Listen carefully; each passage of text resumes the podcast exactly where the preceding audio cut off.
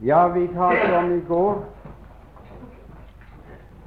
eller begynte å snakke om forlikelsen slik som den er i den nye pakt. Kom bare rett fram, så er det god plass.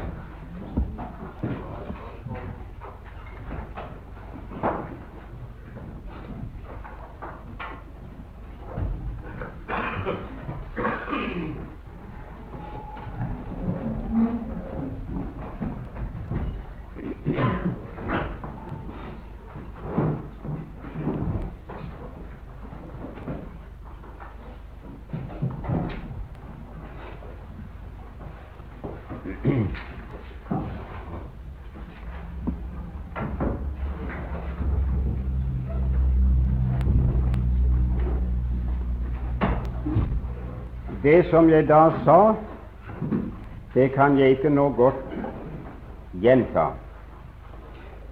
selv om det er en del nye, så kan vi ikke godt ta det opp igjen. Men vi blir nødt til, og så måtte vi klippe av, så å si midt i en sammenheng. Akkurat da når vi skulle se litt på konklusjonen av det vi hadde lest og nevnt. Jeg hadde søkt å påvise ved en hel del bibelsteder vi leste sammen, at alle de ofringene som fant sted under den gamle pakt, de var en skygge og et forbilde på Kristi offer og på Hans forlikelsestjeneste. Og det jeg særskilt understrekte da, det var at også hans død var en sted fortredende død. Han døde ikke for sin egen skyld, til egen fordel, og langt mindre på grunn av sin egen synd. For han hadde ingen synd. Ikke var det synd i ham, og ikke hadde han gjort noen synd i handling. Han var ren og hellig og uten synd. Så den død han døde, det liv han ga, det ga han i plassen for oss. Han døde for våre synder etter Skriftene. Og så understreker jeg ganske sterkt at den døden døde han som en soning for våre synder. Gud sendte sin sønn til soning for våre synder. Men det var det jeg ikke rakk å få ta med, hva det egentlig vil si hva vi da har å regne med at Han har sonet våre synder. Jeg vil gjenta hva vi leste i Hebreane 9, 26.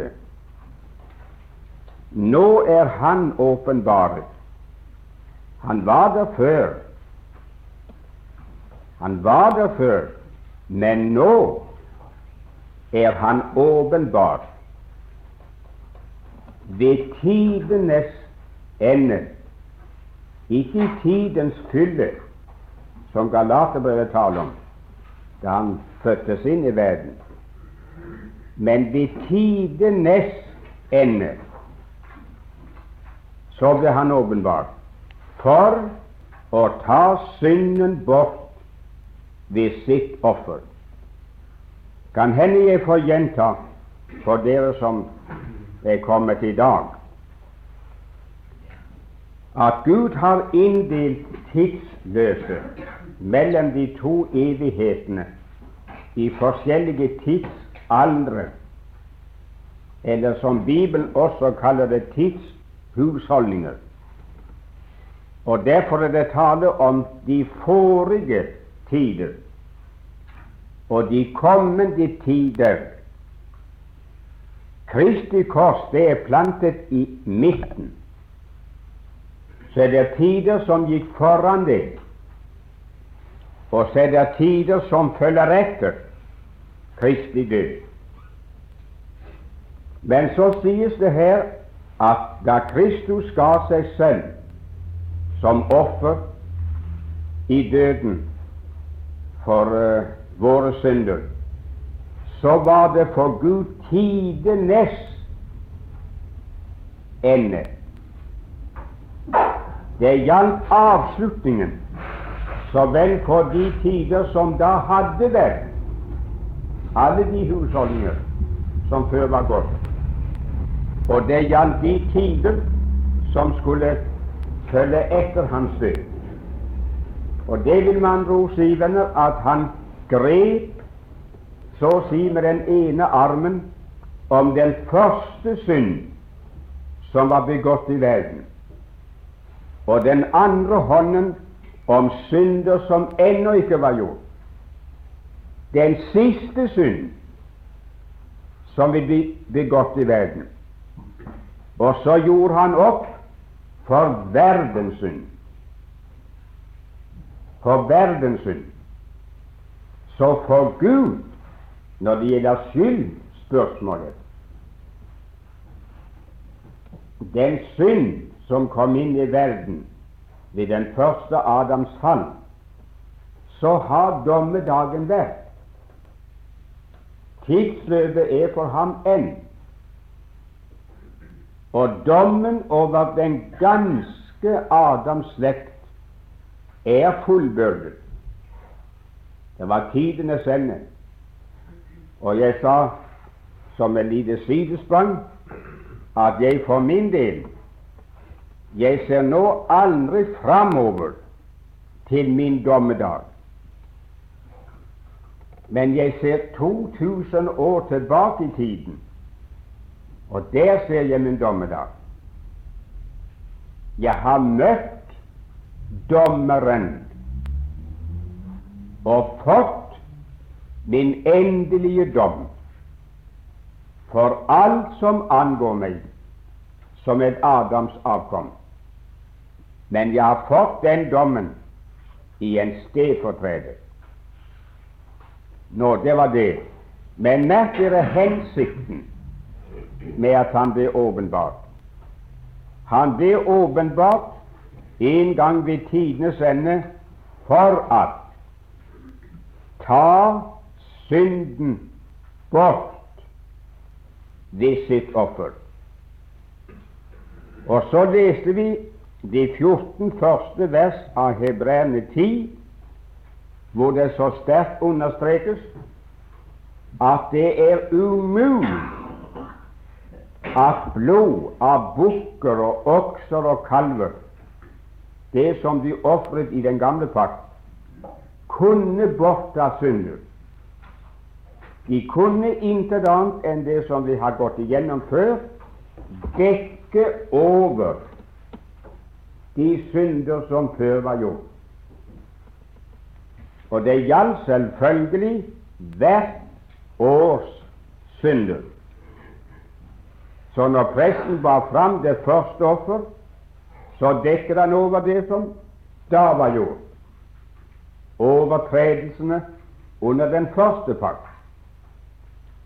Når han kom igjen neste år med samme slags offer og blod, så dekket han over igjen for det årets synder. Og i stedet for å få det vekk, så hopet det seg opp. Det var dekket over. Og for hver gang de så presten gå inn med et offer og offerets blod, så fikk de ikke en lykkelig, god, glad samvittighet og visste Guds lov og takk. Nå er det som sto mellom oss og Gud, vekk. Men de fikk hvert år en mindelse om synder. Og mindelsen var ingen annen, som jeg nevnte i går. Synden er der ennå. Og det kan være visst på, venner, at mange from jøder de har gått hjem fra tabernaklet og tabernaklets leir og foregår, og spurt seg selv skal det aldri lykkes å kunne bære frem et offer her som får synden vekk. Skal den videre bestandig?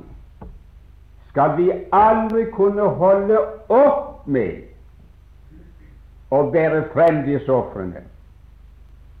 Nytter det ingenting, alt det vi strever med? De kunne aldri skaffe fram et offer, et liv, et blod, som kunne få det vekk,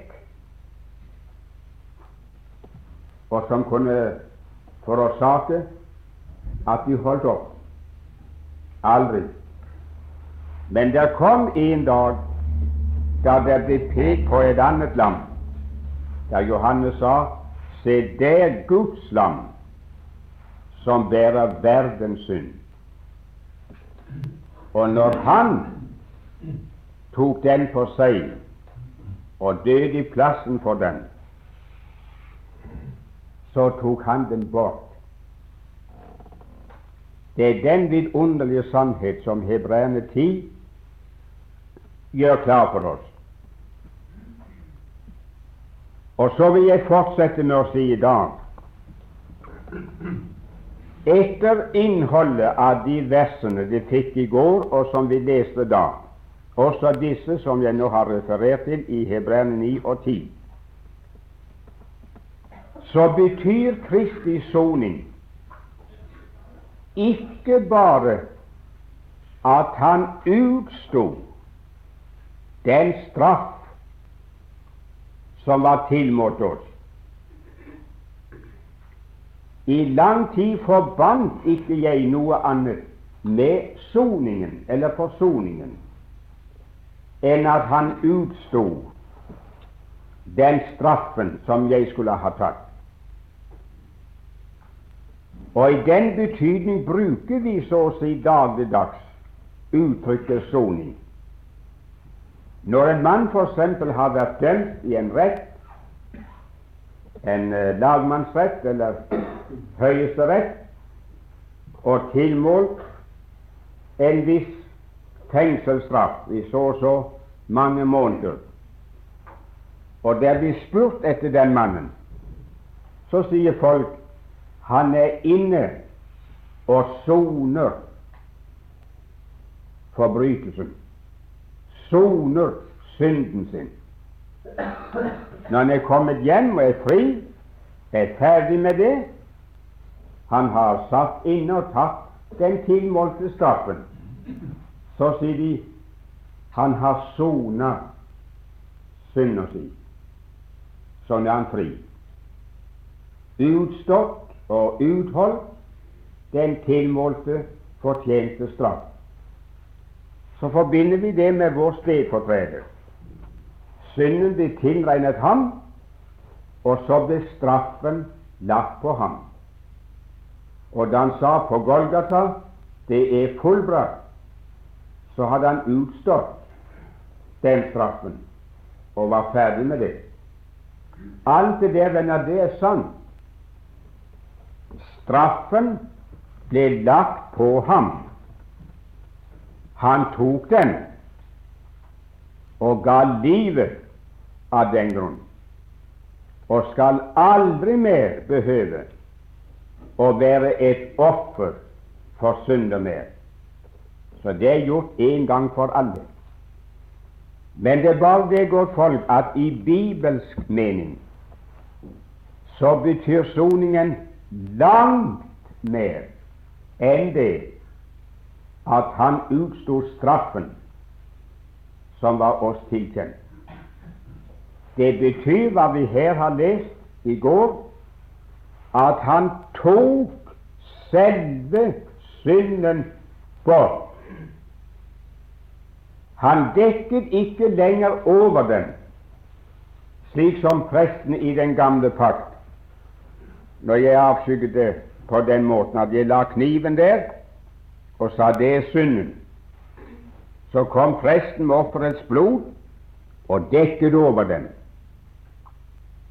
Som du husker, så heter ordet for den handlingen det hebraiske ord kafar, og betyr intet annet, sier de språkkyndige, enn å dekke over. For det var umulig at dyreblod og dyreliv kunne avstedkomme noe mer.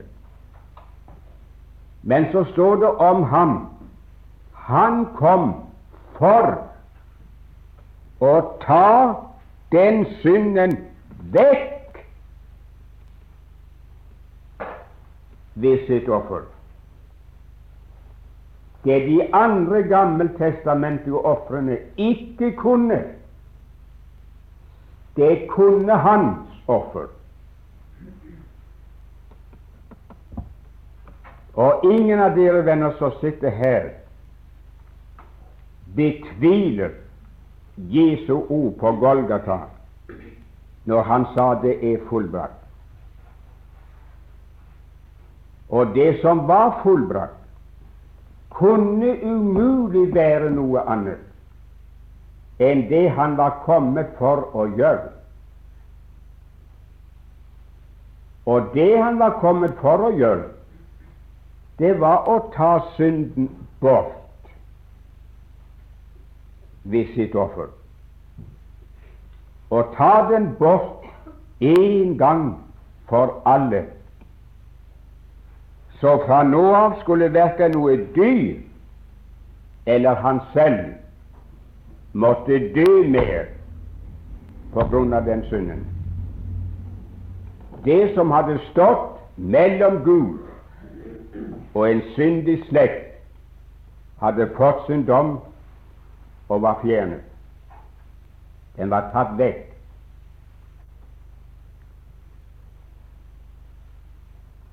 Og så sant, venner, som Kristus da ikke uttalte en løgn på Golgata, så må synden mellom oss og Gud være borte.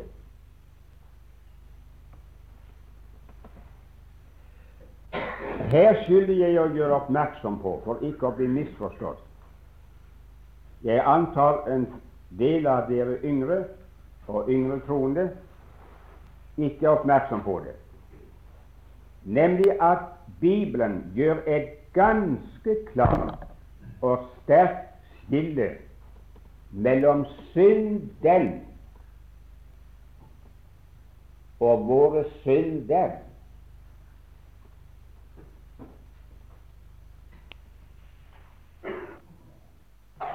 Synden, det var den som kom inn i verden ved ett menneske.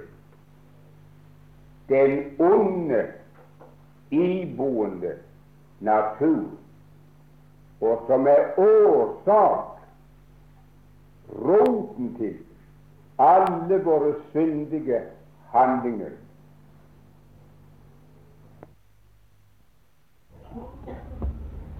Når det står i Skriften da at Kristus tok synden bort ved sin soning, så menes ikke det at han tok den bort ifra vår person, fra vår natur. Synden, den bor i oss. Det sier Testamentet, og det sier vår egen erfaring. Den gamle Adam, folk, han er like spill levende i dag hos meg som før jeg ble en kristen.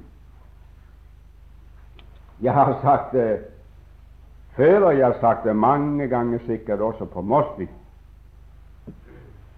Jeg hadde lært det på skolen, og nå forleden leste jeg noe som var tatt ut av Konkordieboken, at den gamle Adam den gamle, vonde, iboende natur i oss, den skulle dødes og druknes. Hos Pontoppidan sto det sånn ved daglig bot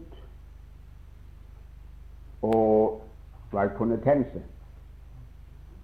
Det er et ord som vi ikke bruker nå. Men det er sådan daglig å ydmyke oss for Gud og vende vårt sinn mot Gud og holde oss i nært samfunn med Ham på forskjellig vis, så skulle den gamle Adam dødes og druknes hver dag. Og det trodde jeg som spigeren i veggen. Trodde det var riktig. Og jeg trodde at det lot seg gjøre å gjennomføre det i praksis. De første dagene når jeg oppdaget at tross det jeg hadde omvendt meg, tross det jeg hadde opplevd, som gjorde at jeg trodde meg frelst, så var det enda noe vondt i meg. Det var enda noe som var ugudelig, og noe som overlistet med det der. Og jeg ble så grenseløst skuffet. Og kom i tvil om mitt barneforhold gang på gang, gang på gang.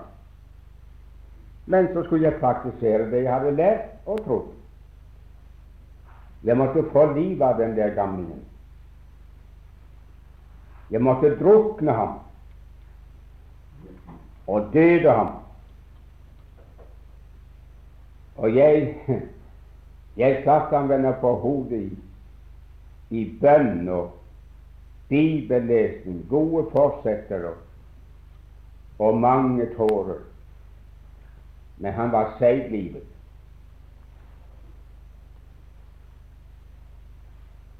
Han var seiglivet. Og når jeg trodde som at nå, nå hadde lykkes Nå skal jeg ikke synde mer. Nå skal jeg bli helt gudelig, lik Gud her innvortes, og selvfølgelig også utvortes. Så visste jeg ikke ordet av henne, så stakk han hodet opp på et annet punkt hvor jeg ikke hadde ventet det. Like levende som før. Like ugudelig som før. Så jeg oppdaget ved alt mitt helliggjørelsesstrev at den gamle Adam han var svømmemester. Så han levde under vannet. Han levde under alle mine tårer og alle mine bønner og all min bibelløsning. Jeg fikk ikke gjort kål på ham. Og det finnes ikke et mer forgjeves strev til i denne verden enn å ta livet av den gamle Adam. Du har prøvd å drukne ham, og du har prøvd å, å bli så gudelig og god. Men det er ikke bitte grann bedre. Og hva du skal finne på nå å gjøre med den gamle naturen for å bli kvitt den, det vet du ikke engang selv. Jeg vet ikke. Noen har lært det, nå har de begynt å forsvikte de også. Svikte sin egen lære, svikte sin egen tro og sin egen bekjennelse. Men før lærte de det, skrev det og forkynte det. At man uh, måtte søke en spesiell åndsdåp, en ilddåp, og så brente den opp det gamle mennesket og synden tro, og så var det som Barrat skrev og sa om Ludvig Hope. Ludvig Hope og meg, vi er enig i prinsippet at den gamle Adam skal avlives. Men vi er uenige når det gjelder fremgangsmåten. Hope han mener og vil at den dødsprosessen skal vare ved hele livet. Jeg derimot vil hva Bibelen sier. Han skal avlives i et øyeblikk. Han skal ikke bare bastes og bindes og settes maktesløs bort i en krok, men han skal avlives, kastes utenfor døren, og så lukker vi igjen, så er vi kvitt ham. Det har jeg lært utenat. Og det lyktes han og flere andre å innbille tusener av kristne her i landet lot seg gjøre. Nå har de forlatt den der stort sett. Det finnes enkelte av dem, og spesielt én retning, som holder på det. Vi andre som har sett dem og kjenner dem, både i den tiden og nå, vi har sett like meget av den gamle Adam og det gamle mennesket i dem som vi har sett hos oss selv og hos alle andre. Så la det være klart, venner, at når jeg snakker om at Kristus ved soningen har tatt synden vekk, så menes ikke at han har tatt den bort ifra vår person som en vond, uren tilstand. Det menes ikke. Og det menes heller ikke at han har tatt den bort som en kjensgjerning i verden. Synden er i verden. Menneskene vasser i synd verre enn noensinne.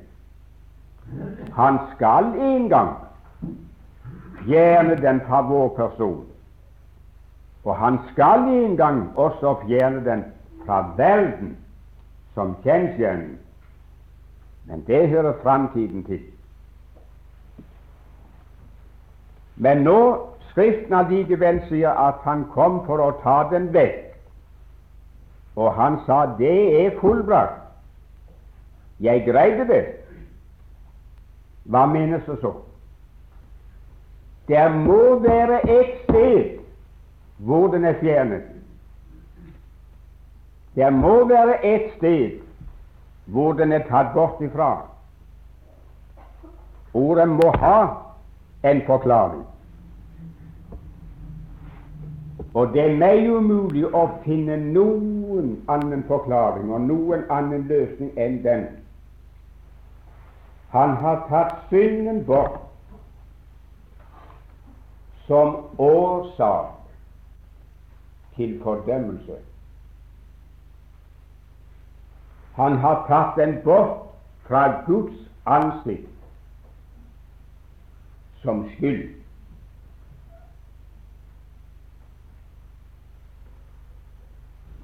Så at mellom Gud og den som tror, er saken avgjort. Han blir aldri og skal aldri bli fordømt på grunn av den nedarvede synd. Verken et lite barn eller et voksen menneske skal gå fortapt på grunn av synden i kirken. Jeg snakket med en eldre troende mann. Han kom inn på dette med de små barna, hvorvidt de gikk til helvete eller ei. Aller helst de som det ikke lyktes å få døpt før de døde. Og han tenkte ikke bare på barn i vårt land, som det hender med, men også på hedningebarn. Så sa jeg sånn mer i forbigående Ja, sa jeg, jeg har en overbevisning ut fra Guds ord, og den er slik at jeg tror ikke på barneskrik i helvete. så ble han rent forferdet. Og sånn Ja, men du vil vel ikke nekte det at de små barn har arvesynd? Men det kunne aldri falle meg inn. Det kunne aldri falle meg inn å nekte. De har den. Det som er født av kjød, det er kjød. Men si meg en ting, broder. Har du arvesynd? Har du synd boende i din natur? Ja, selvfølgelig, sa han. Det har jeg. Har ikke du det? Jo da, det har jeg. Nå, tror du at du skal komme til himmelen? Ja, sa han, det mener jeg. Ja, men hvordan kan du komme til himmelen når du har synden boende i deg? Han ble helt paff. Så sto han og tenkte seg om en stund. Det var liksom det daget slitt. Og så sa han Nei, sa han, det, det er for Jesus skyld jeg skal komme der. Ja, for Jesus skyld. Men hva legger du i det? Jo, han døde vel også for den synden som bor i meg. Ja, jeg er enig i det, sa jeg. Men døde han ikke for arvesynden i de små barna?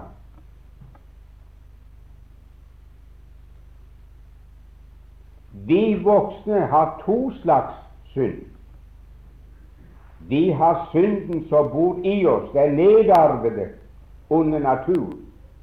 Og vi har synder i tanker, ord og gjerninger.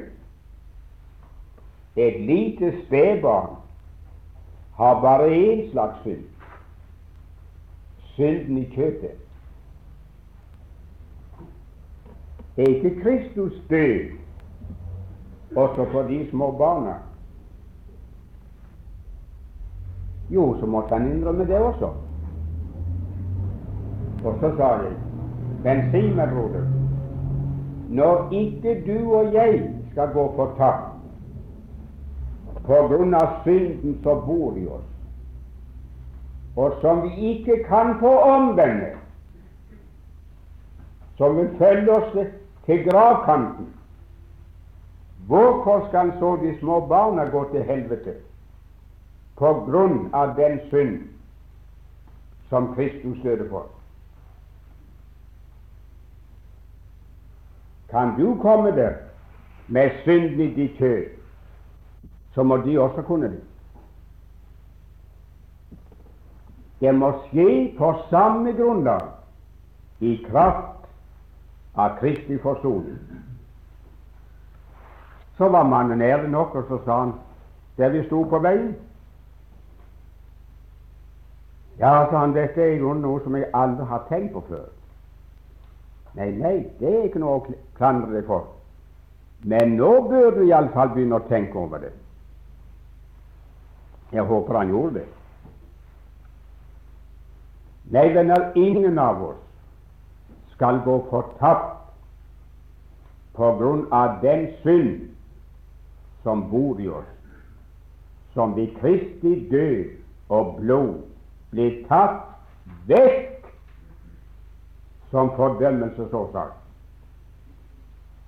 Nå blir det spørsmål om hvorvidt vi tar imot Hans Sønn og tror på ham eller ikke. Den hellige ånd, når han kommer, han skal overbevise verden om synd fordi de slo i hjel fordi de drev hor, fordi de stal, fordi de sa falsk vitnesbyrd, fordi de ikke holdt sabbaten, osv. Jesus nevnte ikke et ord om det. Han skal overbevise verden om synd fordi de ikke tror på meg. Venner, la en synder ta imot det vitnesbyrd Gud har vitnet om sin sønn i tro, og motta Den hellige ånds tilsagn om at alle hans synder er ham pålagt, så er han frelst. Og la ham få dø med sine synders forlatelse, så havner han i himmelen, på tross av synden i kjøpet. For den kan ikke bli fordømt, for den har fått sin dom. Det sier Romerne 8,3. Hvis ikke jeg kunne se det ut fra dette synspunkt, venner, så kunne jeg ikke jeg holde livet ut. Så oppga jeg alt mitt frelseshåp, jo før jo heller.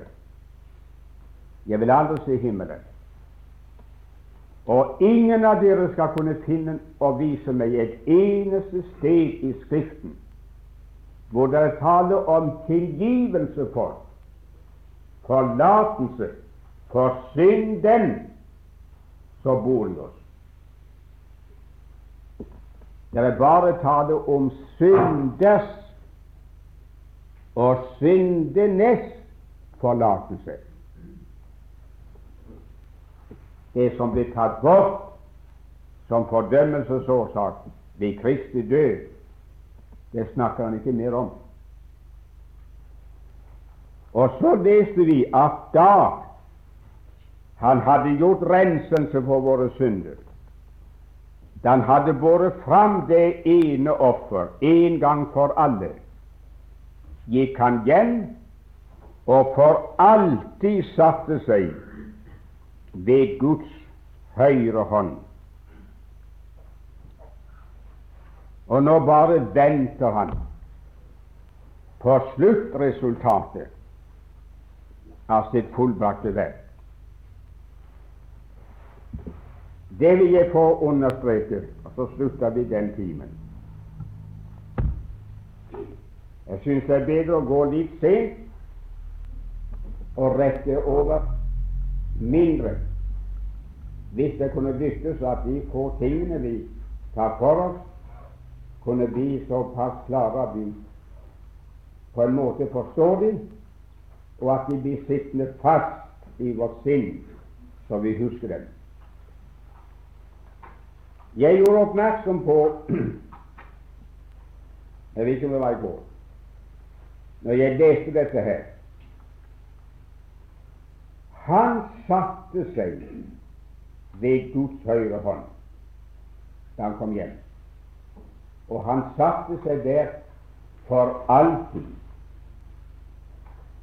Men du leser aldri om at den ytterste prest i tabernaklet noensinne fikk sette seg. I mange tilfeller så taler det like sterkt det som ikke er sagt i Bibelen, som det som er sagt.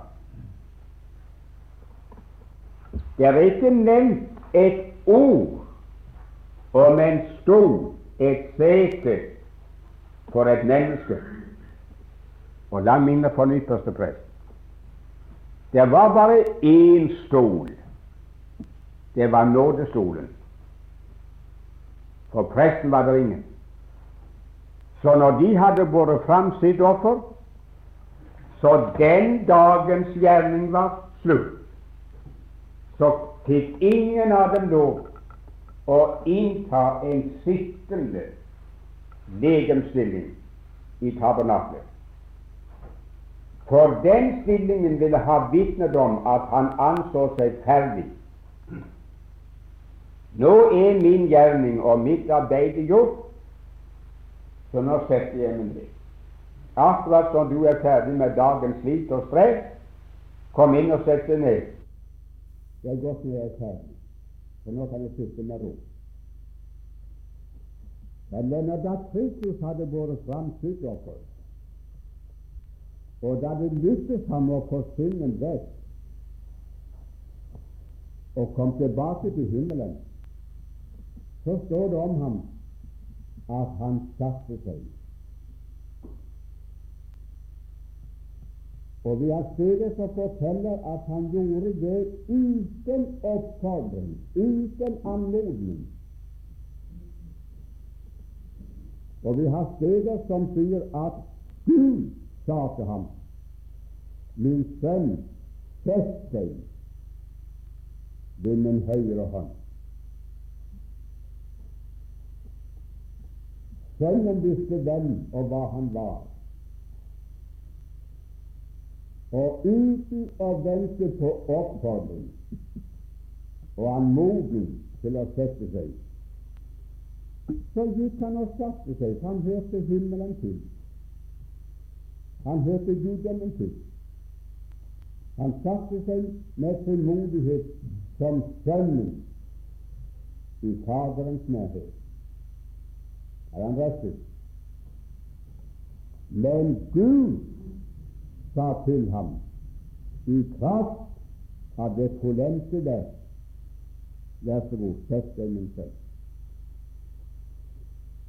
Nå er du ferdig. Nå kreves det intet ofte mer. Nå behøver du aldri gjøre mer for å frelse du som er fortapt. Er det gjort? Nå er du blitt opphav evig frelse for alle dem som kommer til ved deg. Og nå kan han fullkommen frelse dem som kommer til Gud ved ham. Ikke bare delvis, men fullkommen. Det er skrevet til hebreerne. De som sto i fare for å vende tilbake til tempelet og til ofringene der for å sikre seg sin frelse så påviser han hvem og hva sønnen er, og hva hans verk er. Så han, fordi han er fullendt for all evighet, han kan fullkommen frelse dem som kommer til vann. Ikke bare delvis. Så du ofringene som har pågått i tabernakel og tempel, behøves ikke mer. Det er ferdig. Og i bevisstheten om det, ved synet på det, så satte han seg.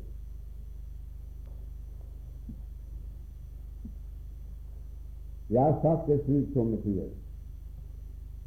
Og jeg husker en gang jeg hadde sagt det på et møte, så satt det flere troende som hadde vært i en sådan trelldom og sådan slut med sitt liv at det var forferdelig, og hørte seg løs og fri som aldri før. Og i den friheten lever vi i dag. Jeg sa det på den måten. Så vidt jeg vet, ja, så vidt jeg vet, er det bare én som har fått den oppgaven å frelse meg, og det er Kristus.